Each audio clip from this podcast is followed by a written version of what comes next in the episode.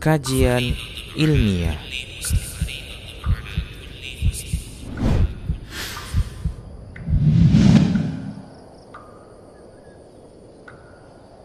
السلام عليكم ورحمة الله وبركاته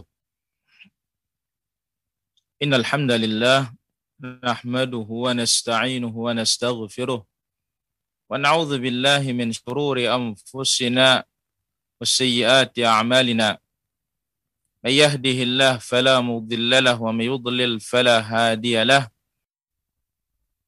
أشهد أن لا إله إلا الله وحده لا شريك له وأشهد أن نبينا محمدا عبده ورسوله.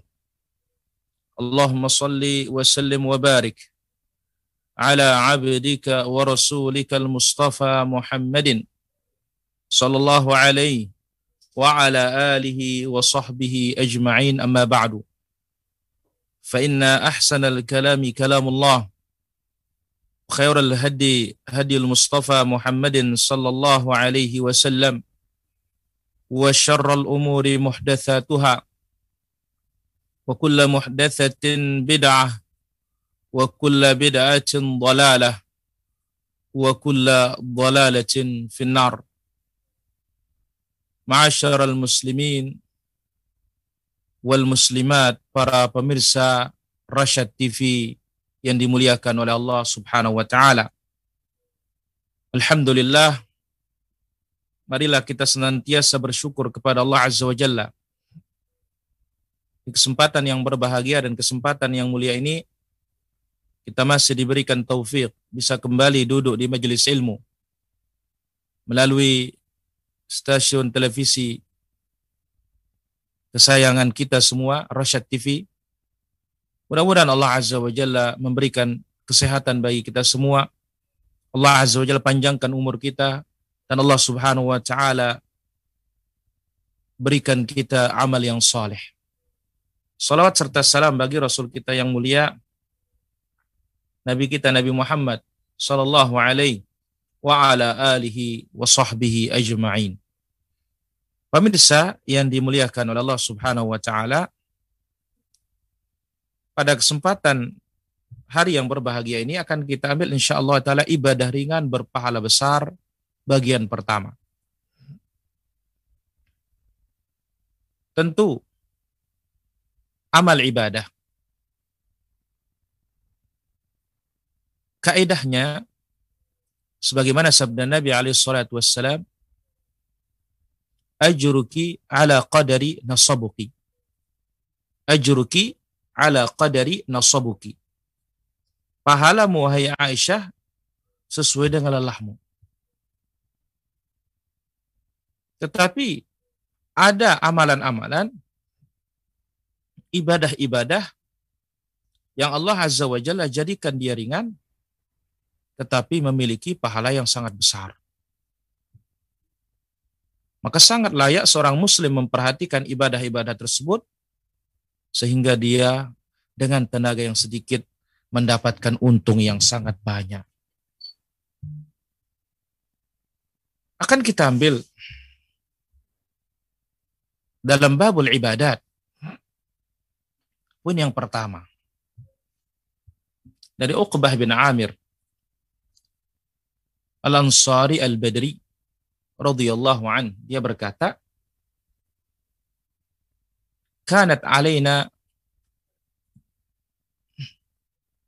riayatul ibil kami ditugaskan untuk mengembala unta sedekah Faja'at naubati. Tibalah jadwalku, kata Uqbah bin Amir. Farawahtuha bi'ashi. Maka sore hari, aku pulangkan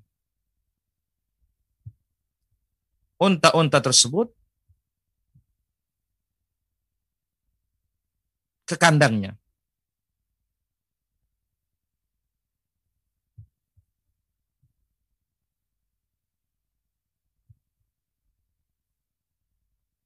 Jadi Uqbah ibn Amir Al-Ansari Al-Badri di saat jadwalnya mengembala onta itu, dia bawa ontanya pulang sore hari. Fa'adraktu Rasulullah sallallahu alaihi wasallam qa'ima. Lalu aku melihat Nabi sallallahu alaihi wasallam dan aku menemui Nabi sallallahu alaihi wasallam dalam keadaan berdiri saat itu. Jadi sahabatnya sudah nggak sabaran sudah pengen ketemu Nabi Shallallahu Alaihi Wasallam. Yuhadithun nasa. Begitu datang sampai ke Nabi Shallallahu Alaihi Wasallam, Nabi Alaihi Wasallam sedang menyampaikan hadisnya kepada para sahabat. Fa'adraktu min qawlihi. Aku dapatkan sabda Nabi Shallallahu Alaihi Wasallam dari ucapan beliau, ma min muslimin yatawaddau. Tidaklah seorang mukmin atau seorang muslim berwudu. Fayuhsinu wudu'ahu. Dia perbagus wudunya. Tentu tidak ada wudu yang lebih bagus dari wudunya Nabi Shallallahu Alaihi Wasallam. Thumma yakumu fayusalli rak'atain. Kemudian dia berdiri. Setelah berwudu bagus, mengikuti wudhu Nabi Alaihi Wasallam. Lalu dia berdiri sholat dua rakaat.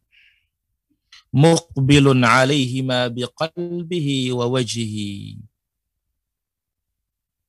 Dengan hatinya, dengan wajahnya penuh khusyuk dan tunduk kepada Allah Azza wa Jalla. Fokus dia ibadah, fokus dia sholat. Illa wajabat lahul jannah Apabila demikian, melainkan dia pasti masuk ke dalam surga. Subhanallah. Wudhu bagus, sholat dua rakaat pasti masuk surga. Qala faqultu ma hadha. Langsung Uqbah mengatakan, bagus sekali ini. Fa'idha qailun baina idayya yaqul allati qablaha ajwad. Kok tiba-tiba ada yang nyeletuk di depanku. Aku nggak lihat karena Nabi berdiri. Aku nggak lihat siapa di depanku. Dia mengatakan, oh tadi sebelum engkau datang lebih bagus. Subhanallah, ini cara para sahabat, para pemirsa. Bagaimana menjadikan orang itu tertarik dengan ilmu. Ya. Allati qablaha ajwad. Tadi sebelum kamu datang lebih bagus lagi. Fanadhartu, aku tengok-tengok, ternyata siapa? Faida Umar. Oh, tiba-tiba Umar. Ya. Yang gantian. Ya jadi mereka ini berdua bergantian. Umar yang ngembala Uqbah pergi ngaji. Nanti Uqbah kasih tahu Umar apa dapat kemudian ya ketika Umar mengembala nanti Umar kasih tahu Uqbah apa yang didapatkan. Bergantian seperti itu tapi ini Uqbah nih nggak sabar pengen ya mendengar apa yang datang dari Rasulullah Shallallahu Alaihi Wasallam.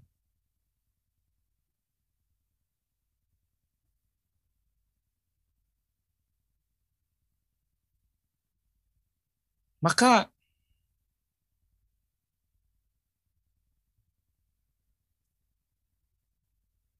begitu mendengar hal tersebut,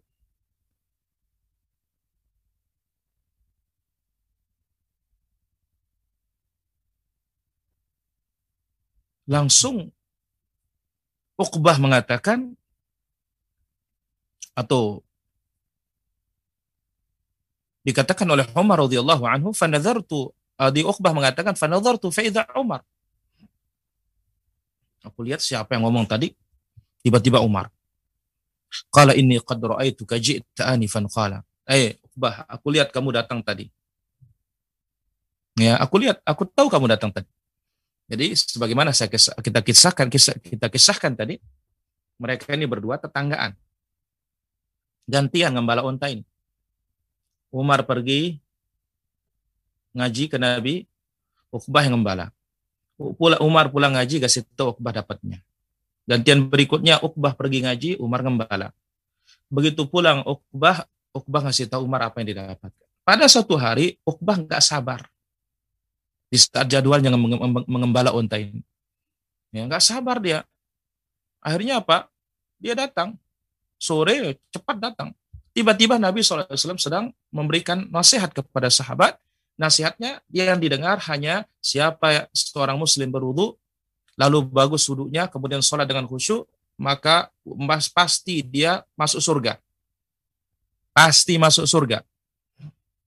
Nah, Uqbahnya waduh bagus sekali. Umar nyeletuk karena dia tahu Uqbah datang telat. Umar mengatakan apa? Yang tadi lebih baik. Ya, begitu dilihat, oh ternyata Umar. Dan Umar mengatakan, Hai Uqbah, aku tahu kamu datang tadi. Makanya aku goda seperti itu. Kala apa itu? Ma minkum min ahadin yatawadda. Tidaklah seorang di antara kalian berwudu fayubligh au fayusbighul wudu. Lalu dia wudu dengan sempurna. Dilaksanakan yang wajib dan dia laksanakan juga yang sunnah ketika dia berwudu. Thumma yaqul. Nah, selesai berwudu dia berdoa. Asyhadu an la ilaha illallah wahdahu la syarikalah. Wa asyhadu anna Muhammadan 'abduhu wa rasuluh.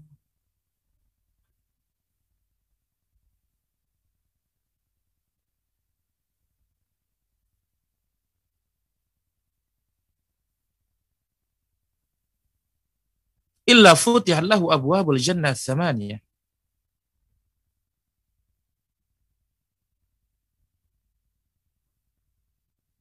Melainkan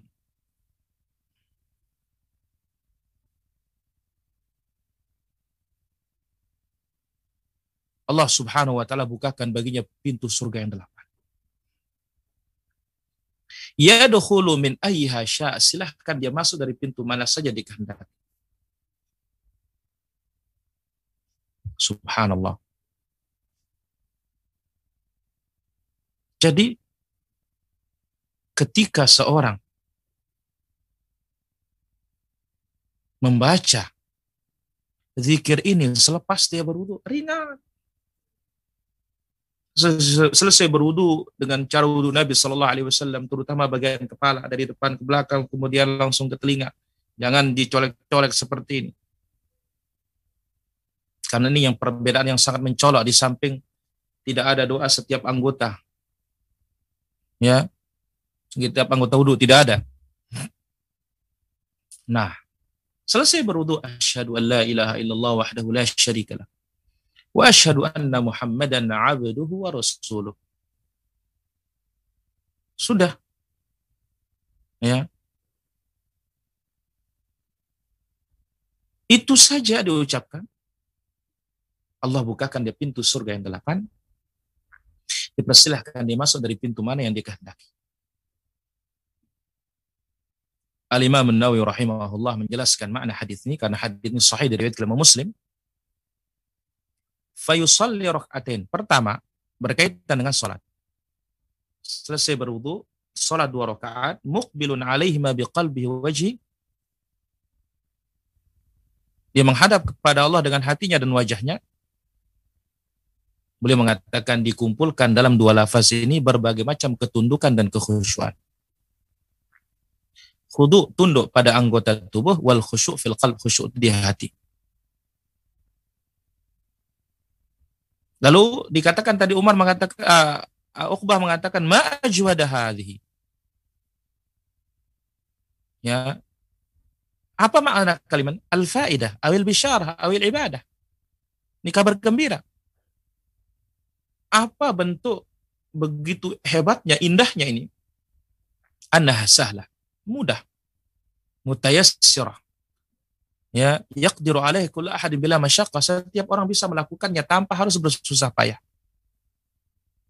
Di samping itu ajruha azim, pahalanya besar. Apa itu? Wajabat lahul jannah, dia pasti masuk surga kata Nabi sallallahu alaihi wasallam. Waqala dan Imam Nawawi berkata, "Wa yang bagi an yudhum ilaiha ilaihi perlu ditambah dalam riwayat dalam Tirmidzi yaitu boleh ditambah begitu Allahumma ij'alni minat tawabin waj'alni minal mutatahhirin tetapi tidak ada tambahan waj'alni min ibadikas salihin. Tidak ada.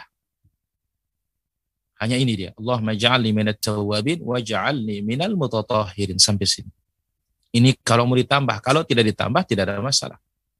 Asyhadu an la ilaha illallah wahdahu la syarika lah. Wa asyhadu anna muhammadan abduhu wa rasuluh. Cukup.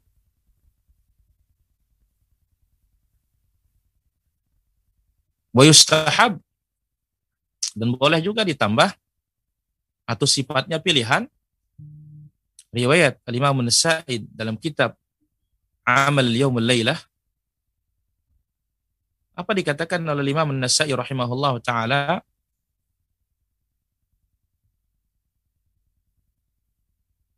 dikatakan oleh beliau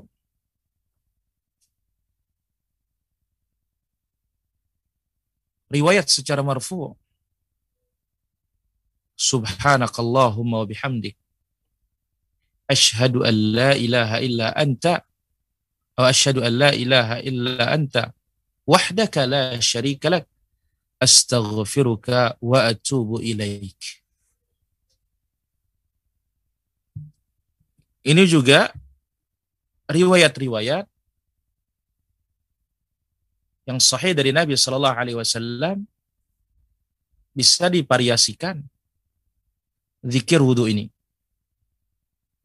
Ya, yang paling agung, yang paling ringan di sini itulah dia yang tadi asyhadu an la ilaha illanta yaitu ya, asyhadu an la ilaha wahdahu la syarikalah wa asyhadu anna muhammadan abduhu wa rasuluh.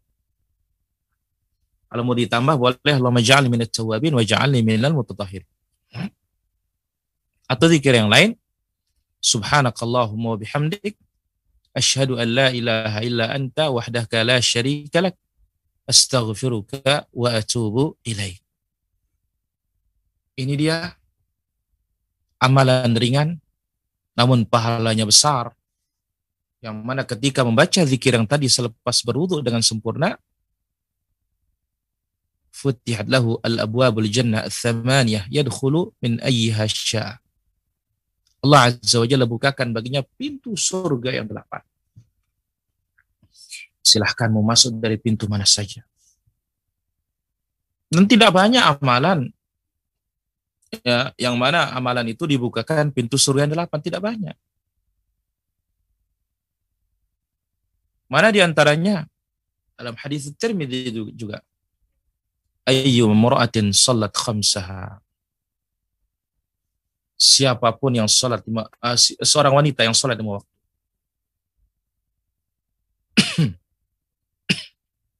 Wasamat syahraha. Kemudian dia puasa Ramadan. Wa ahsanat farjaha. Kemudian dia jaga kehormatannya. Wa ata'at ba'daha. Dia taati suaminya.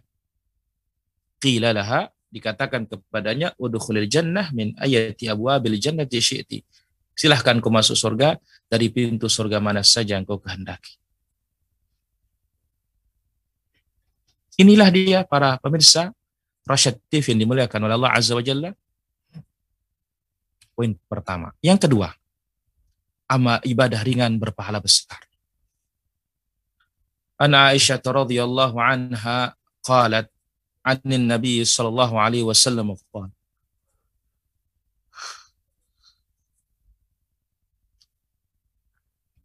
Dari Ibunda Aisyah radhiyallahu anha dari Nabi sallallahu alaihi wasallam beliau bersabda Rak'ata al-fajri khairum minad dunya wa ma fiha dua rakaat fajar, sunnah fajar, qabliyah subuh. Lebih baik dari dunia dan seisinya.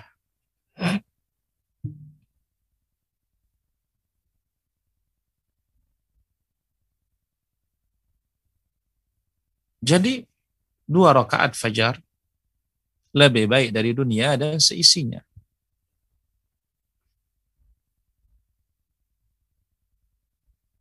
Hadis ini dikeluarkan oleh Imam Muslim dalam sahihnya.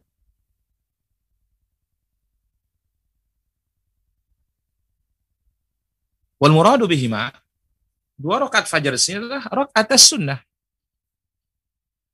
Dua rakaat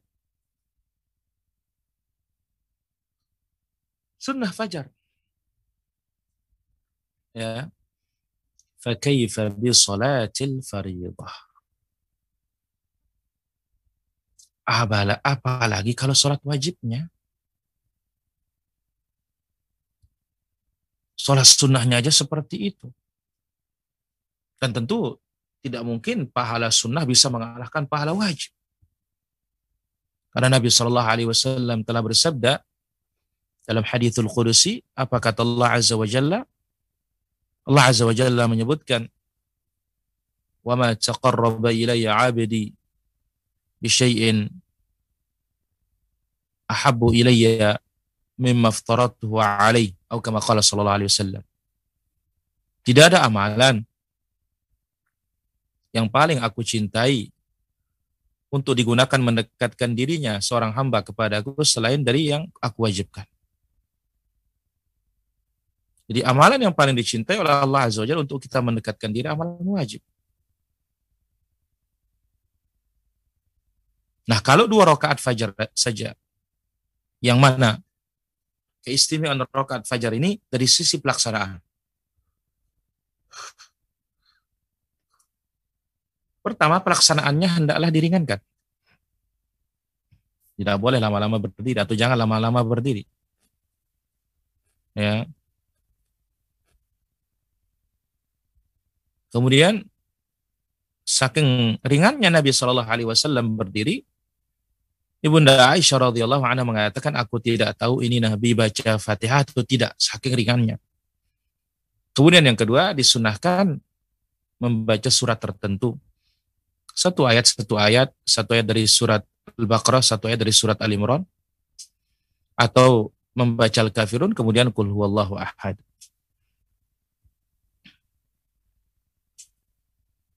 Jadi dikatakan di sini, jikalau ini adalah sunnah fajar, lebih baik dari dunia dan seisinya apalagi sholat wajibnya.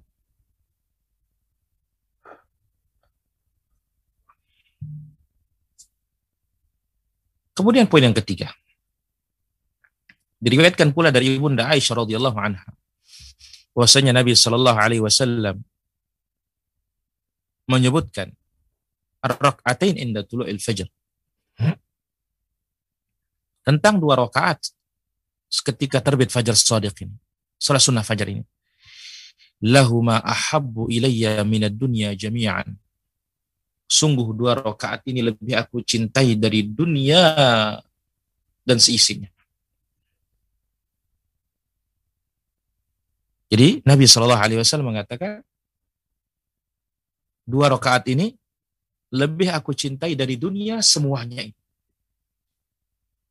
Maka itu sebabnya Nabi Shallallahu Alaihi Wasallam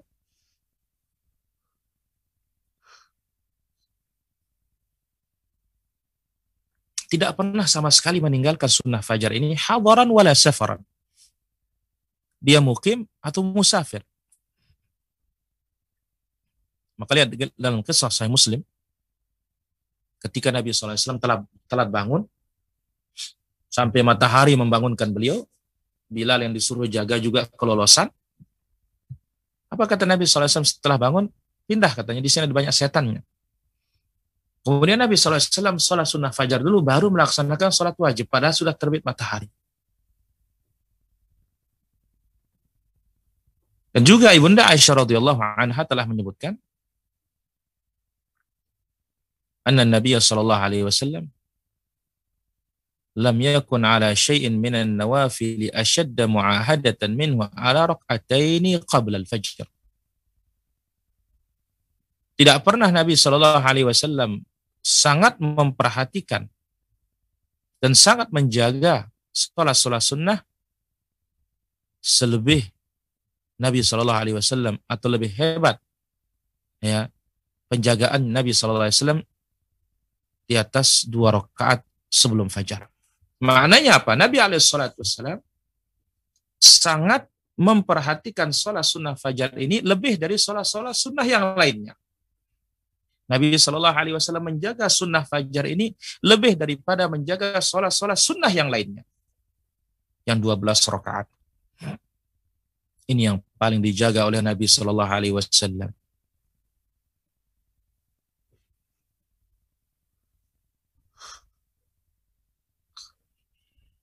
Ini apa bukti? Ala azim, ala ala izami fadliha. Betapa agungnya keutamaan ya dari sunnah fajar tersebut. Ini dia poin yang kedua. Kemudian kita akan ambil poin yang ketiga. Yang ketiga,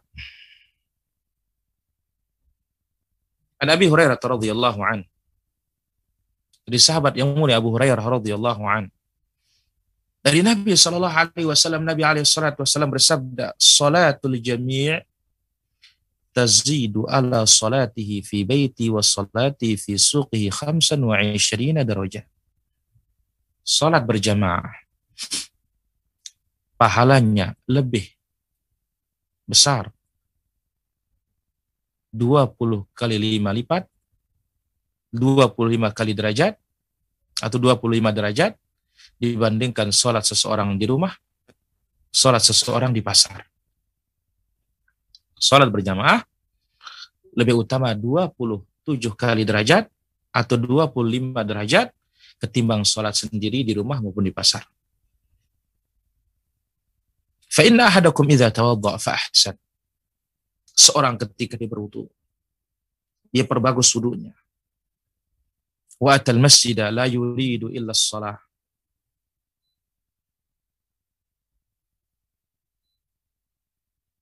Kemudian datang ke masjid. Tidak ada tujuan kecuali salat.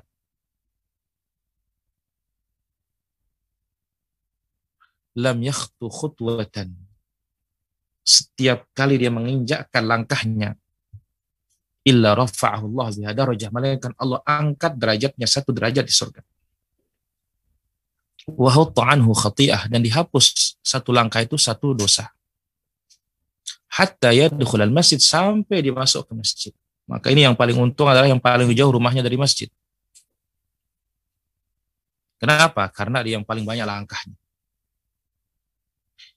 Wa idza dakhala al-masjid kana fi salatin.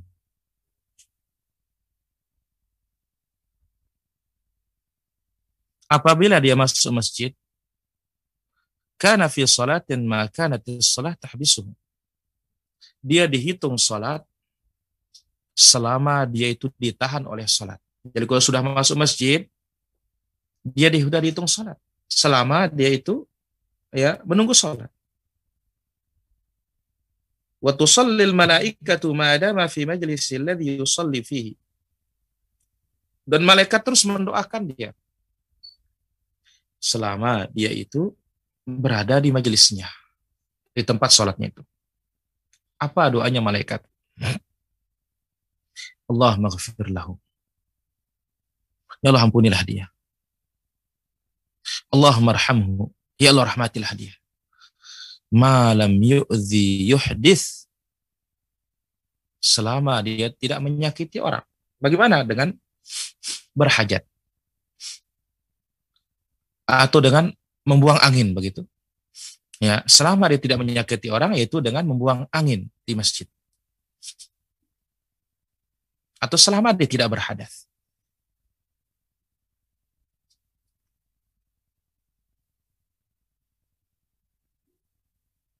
Jadi seorang ketika berangkat ke masjid, dia sudah dihitung sholat. Sampai dia balik ke rumahnya dihitung dia sholat. Ya. Selama dia belum pulang,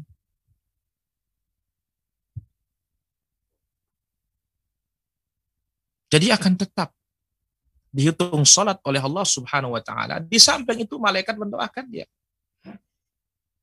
Apa doa malaikat? Allah maghfirlahu, Allah marhamu, ya Allah ampunilah dia. Ya Allah sayangilah dia. Ya Allah ampunilah dia. Ya Allah sayangilah dia. Maka sangat sayang ya ketika ada pengajian lagi, ada lagi talabul ilm, belajar lagi. Begitu selesai ya sholat pulang. Ya. Dan tidak mau mendengarkan pengajian, ya jangan. Tentunya selama itu ya di atas manhajus salaf, di atas sunnah Nabi Shallallahu Alaihi Wasallam, ya jangan pergi. Ya, tetap duduk di masjid masjid tersebut. Kenapa? Ini pahala yang sangat besar akan diraih.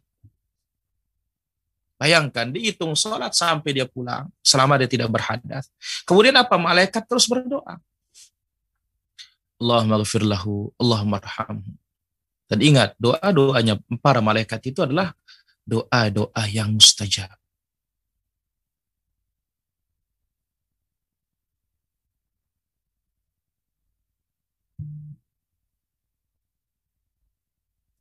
Kemudian yang keempat, ibadah ringan berpahala besar. An Abdurrahman ibn Abi Amrah. Dari Abdurrahman ibn Abi Amrah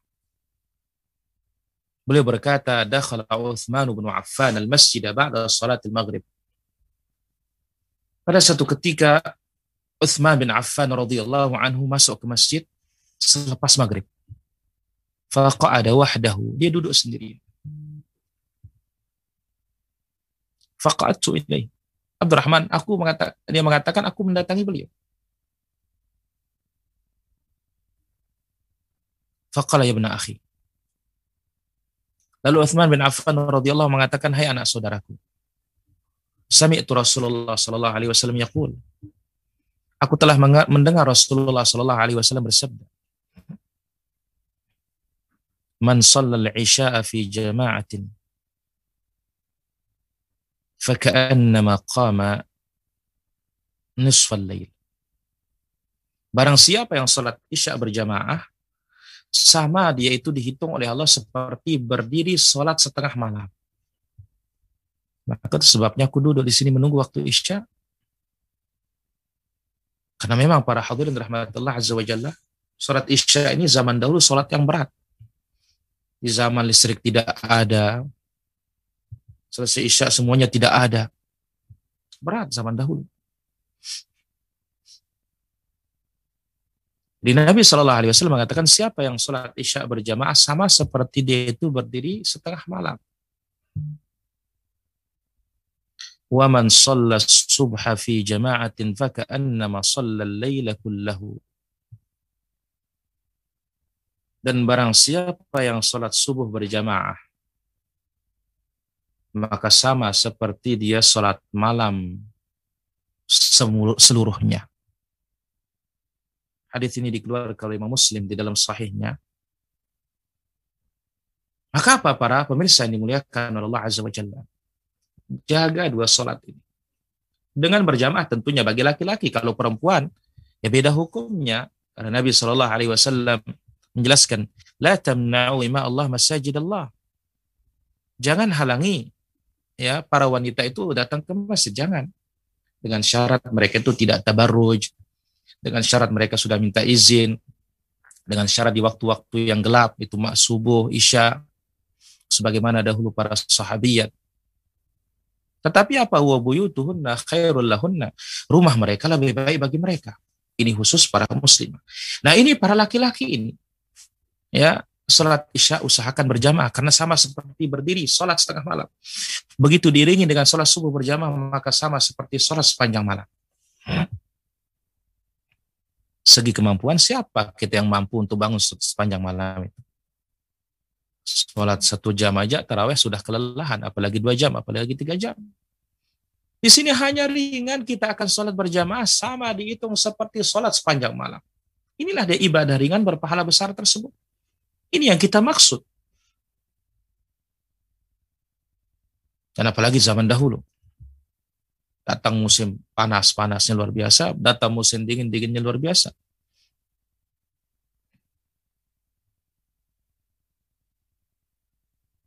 Lihat apa yang dikatakan oleh Nabi Shallallahu Alaihi Wasallam tentang dua sholat ini. athqalus salah ala munafiqin salatul isya wa salatil fajr. Salat yang paling berat bagi orang munafik itu salat isya dan salat subuh. Paling berat.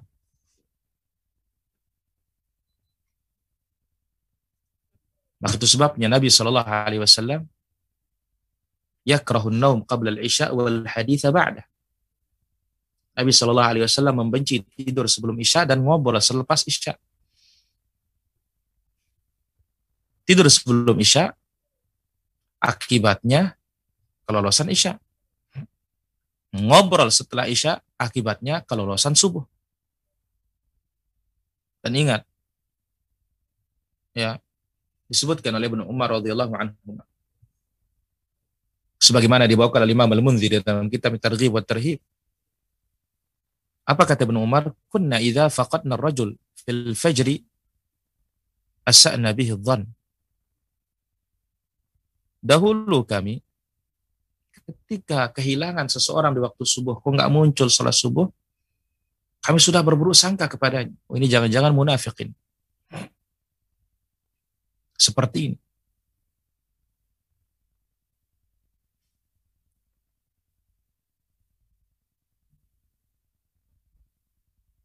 Dan Nabi Shallallahu Alaihi Wasallam katakan,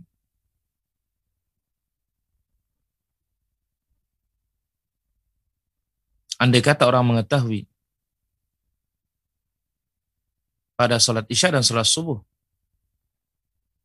la acauhuma walau habwan, niscaya mereka siap untuk mendatanginya meskipun harus dengan cara merangkak.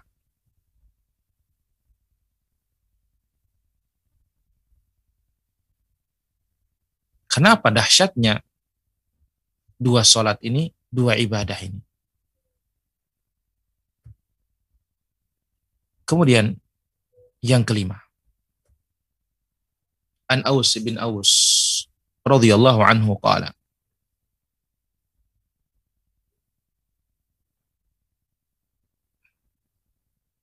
Dari Aus bin Aus radhiyallahu anhu dia berkata, Qala Rasulullah sallallahu alaihi wasallam Rasulullah Shallallahu Alaihi Wasallam bersabda, "Man igtasala yaumul jumu'ati wa ghassal." Barang siapa yang mandi hari Jumat, mandi besar, seperti mandi besar. Wa bakkara wa batakar. Kemudian dia berpagi-pagi wadana wastama'a wa ansat mendekat ke imam. Dia dengar dengan seksama. Dia diam. Kana lahu bikulli khutwatin yakhtuha ajru sana. Maka baginya setiap langkah itu pahala setahun. Siyamuha wa qiyamuha pahala setahun puasa, sunnah pahala setahun sholat malam. Hadis ini keluar oleh Imam Tirmidzi dan disahihkan juga oleh Imam Al-Albani rahimahullah taala. Jadi Nabi Shallallahu Alaihi Wasallam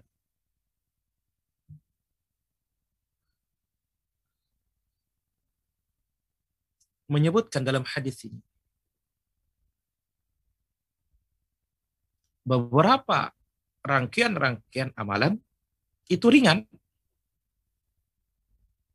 Tetapi pahalanya bahkan disebut oleh para ulama ini pahala terbesar dalam Islam. Mandi seperti mandi besar. Berangkatnya pagi-pagi. Dua. Mendekat ke imam. Jangan jauh-jauh. Dia pagi datang tetapi di belakang. Tidak Wastama, didengar dengan seksama. Wansad, dia diam, tidak ngomong, tangan tidak bermain. Bayangkan satu langkah saja pahala sunnah sholat sunnah pahala sholat malam setahun, pahala puasa sunnah setahun. Satu langkah. Apalagi yang paling banyak langkahnya.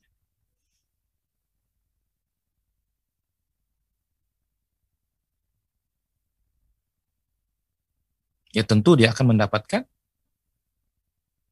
pahala yang paling banyak.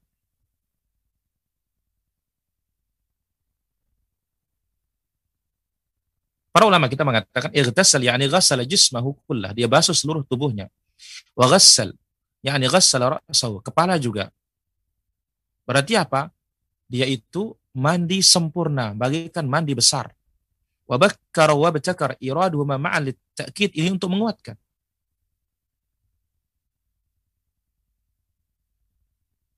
Subhanallah.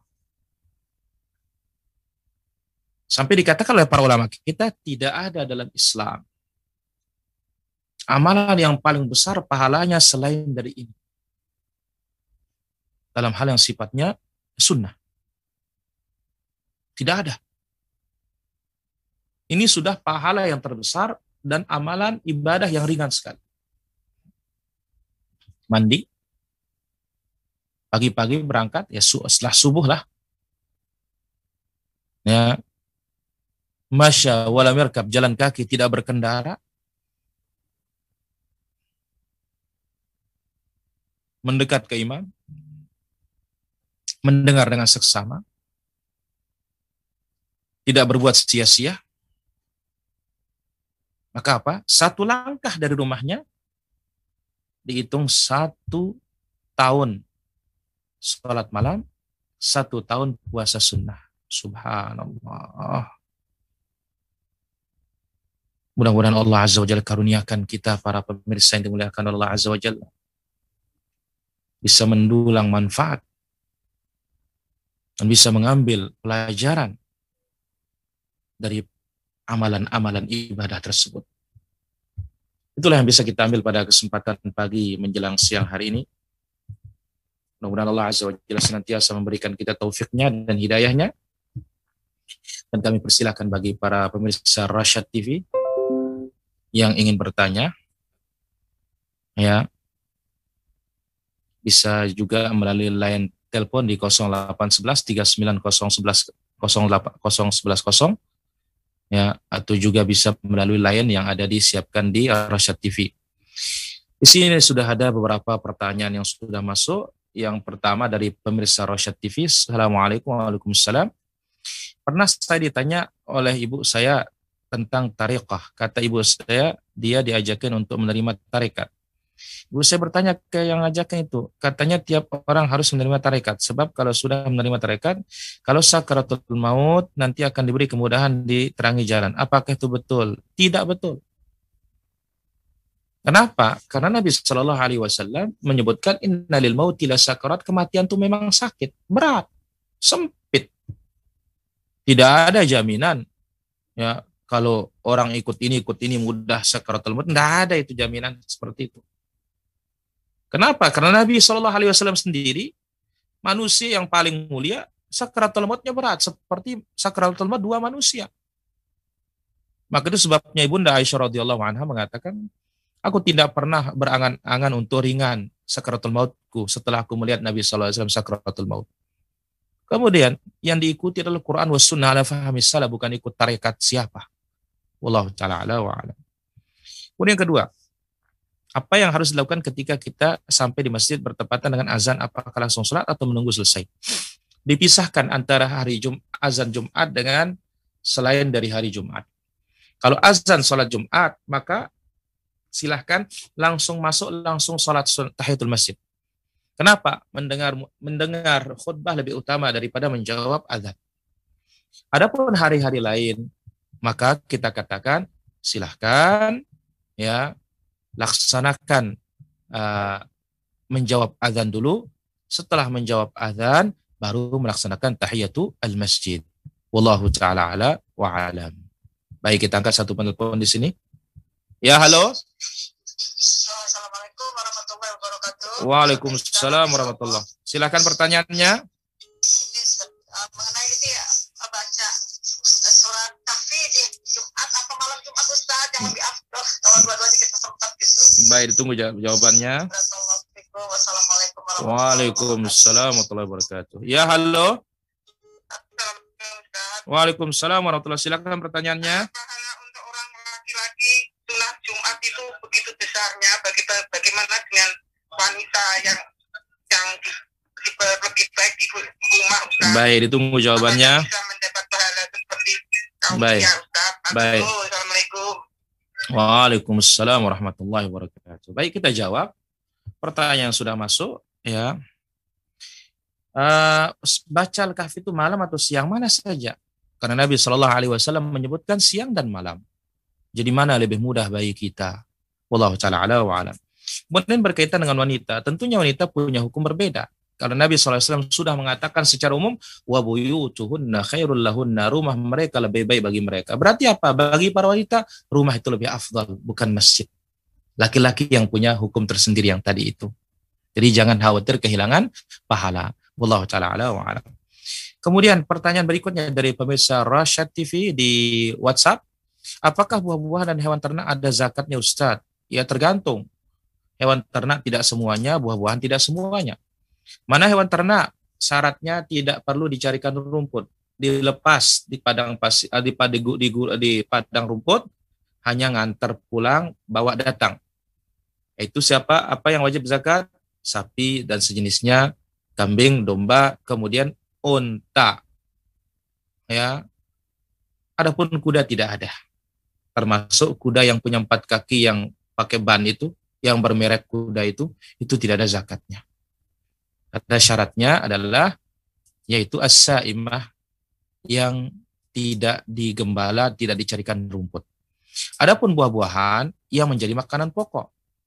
Mana dia? Kurma, mana dia? Anggur. Ya, itu menjadi makanan pokok di negeri Arab. Adapun di tempat kita mana jadi makanan pokok di tempat kita itu yang wajib dizakatkan. Allah taala ala wa alam.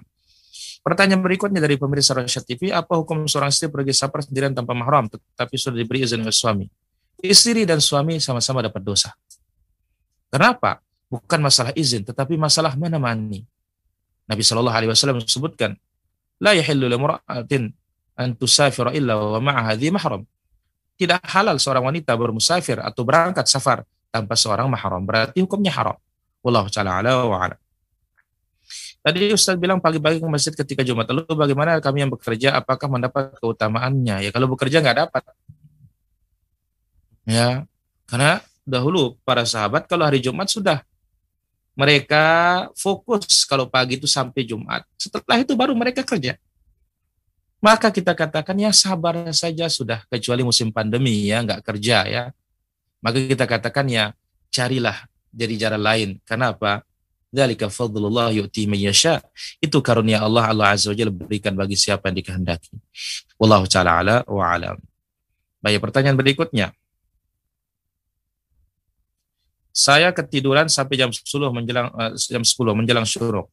Apakah sholat subuh dulu dan setelah itu harus menunggu waktu duha? Kita katakan tetap laksanakan qabliyah fajar baru sholat subuh, kemudian boleh setelah itu langsung sholat duha. Wallahu taala ala wa alam. Kami persilahkan bagi para pemirsa Rosyad TV yang ingin bertanya itu karunia Allah ya di 0811 390110.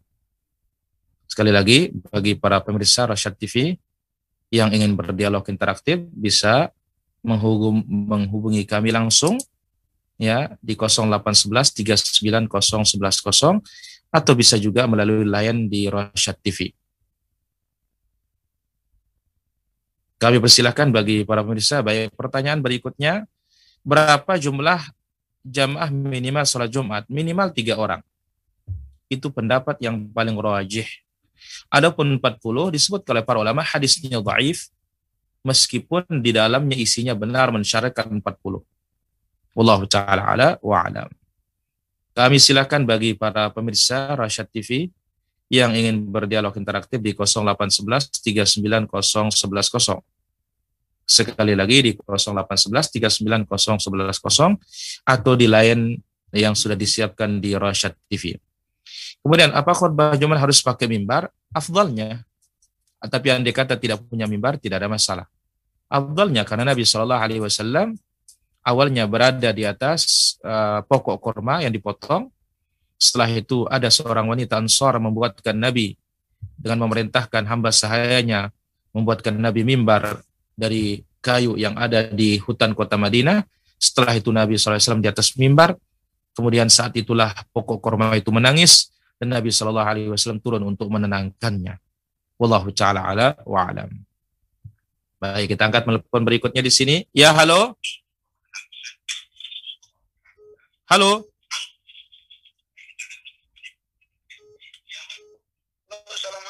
Waalaikumsalam warahmatullahi dari mana? Dari Muara ini. Silakan pertanyaannya. Ini anak mau bertanya, Hmm, silakan pertanyaannya Bapak. ini mau bertanya apakah ada tuntunannya sholat sunnah dia zohor dikerjakan empat rakaat satu salam. Baik, ditunggu jawabannya ya. Ya, halo. Waalaikumsalam warahmatullahi dari mana? Ini anak dari Padang Ustaz. Dari Padang silakan pertanyaannya. Ya, ini anak uh, mau bertanya Ustaz, uh, akhir Ustaz. Hmm. Uh, anak kan mahasiswa, Hmm. uh, jadi tinggal di masjid. Hmm. Jadi ada dari uh, jemaah yang mana uh, telah ada kematian Ustaz. Hmm. ada kematian orang meninggal sudah lima hari terus takziah di rumah Ustaz. Hmm. Dika- dikasih uh, tausiah tausiah sedikit. Hmm.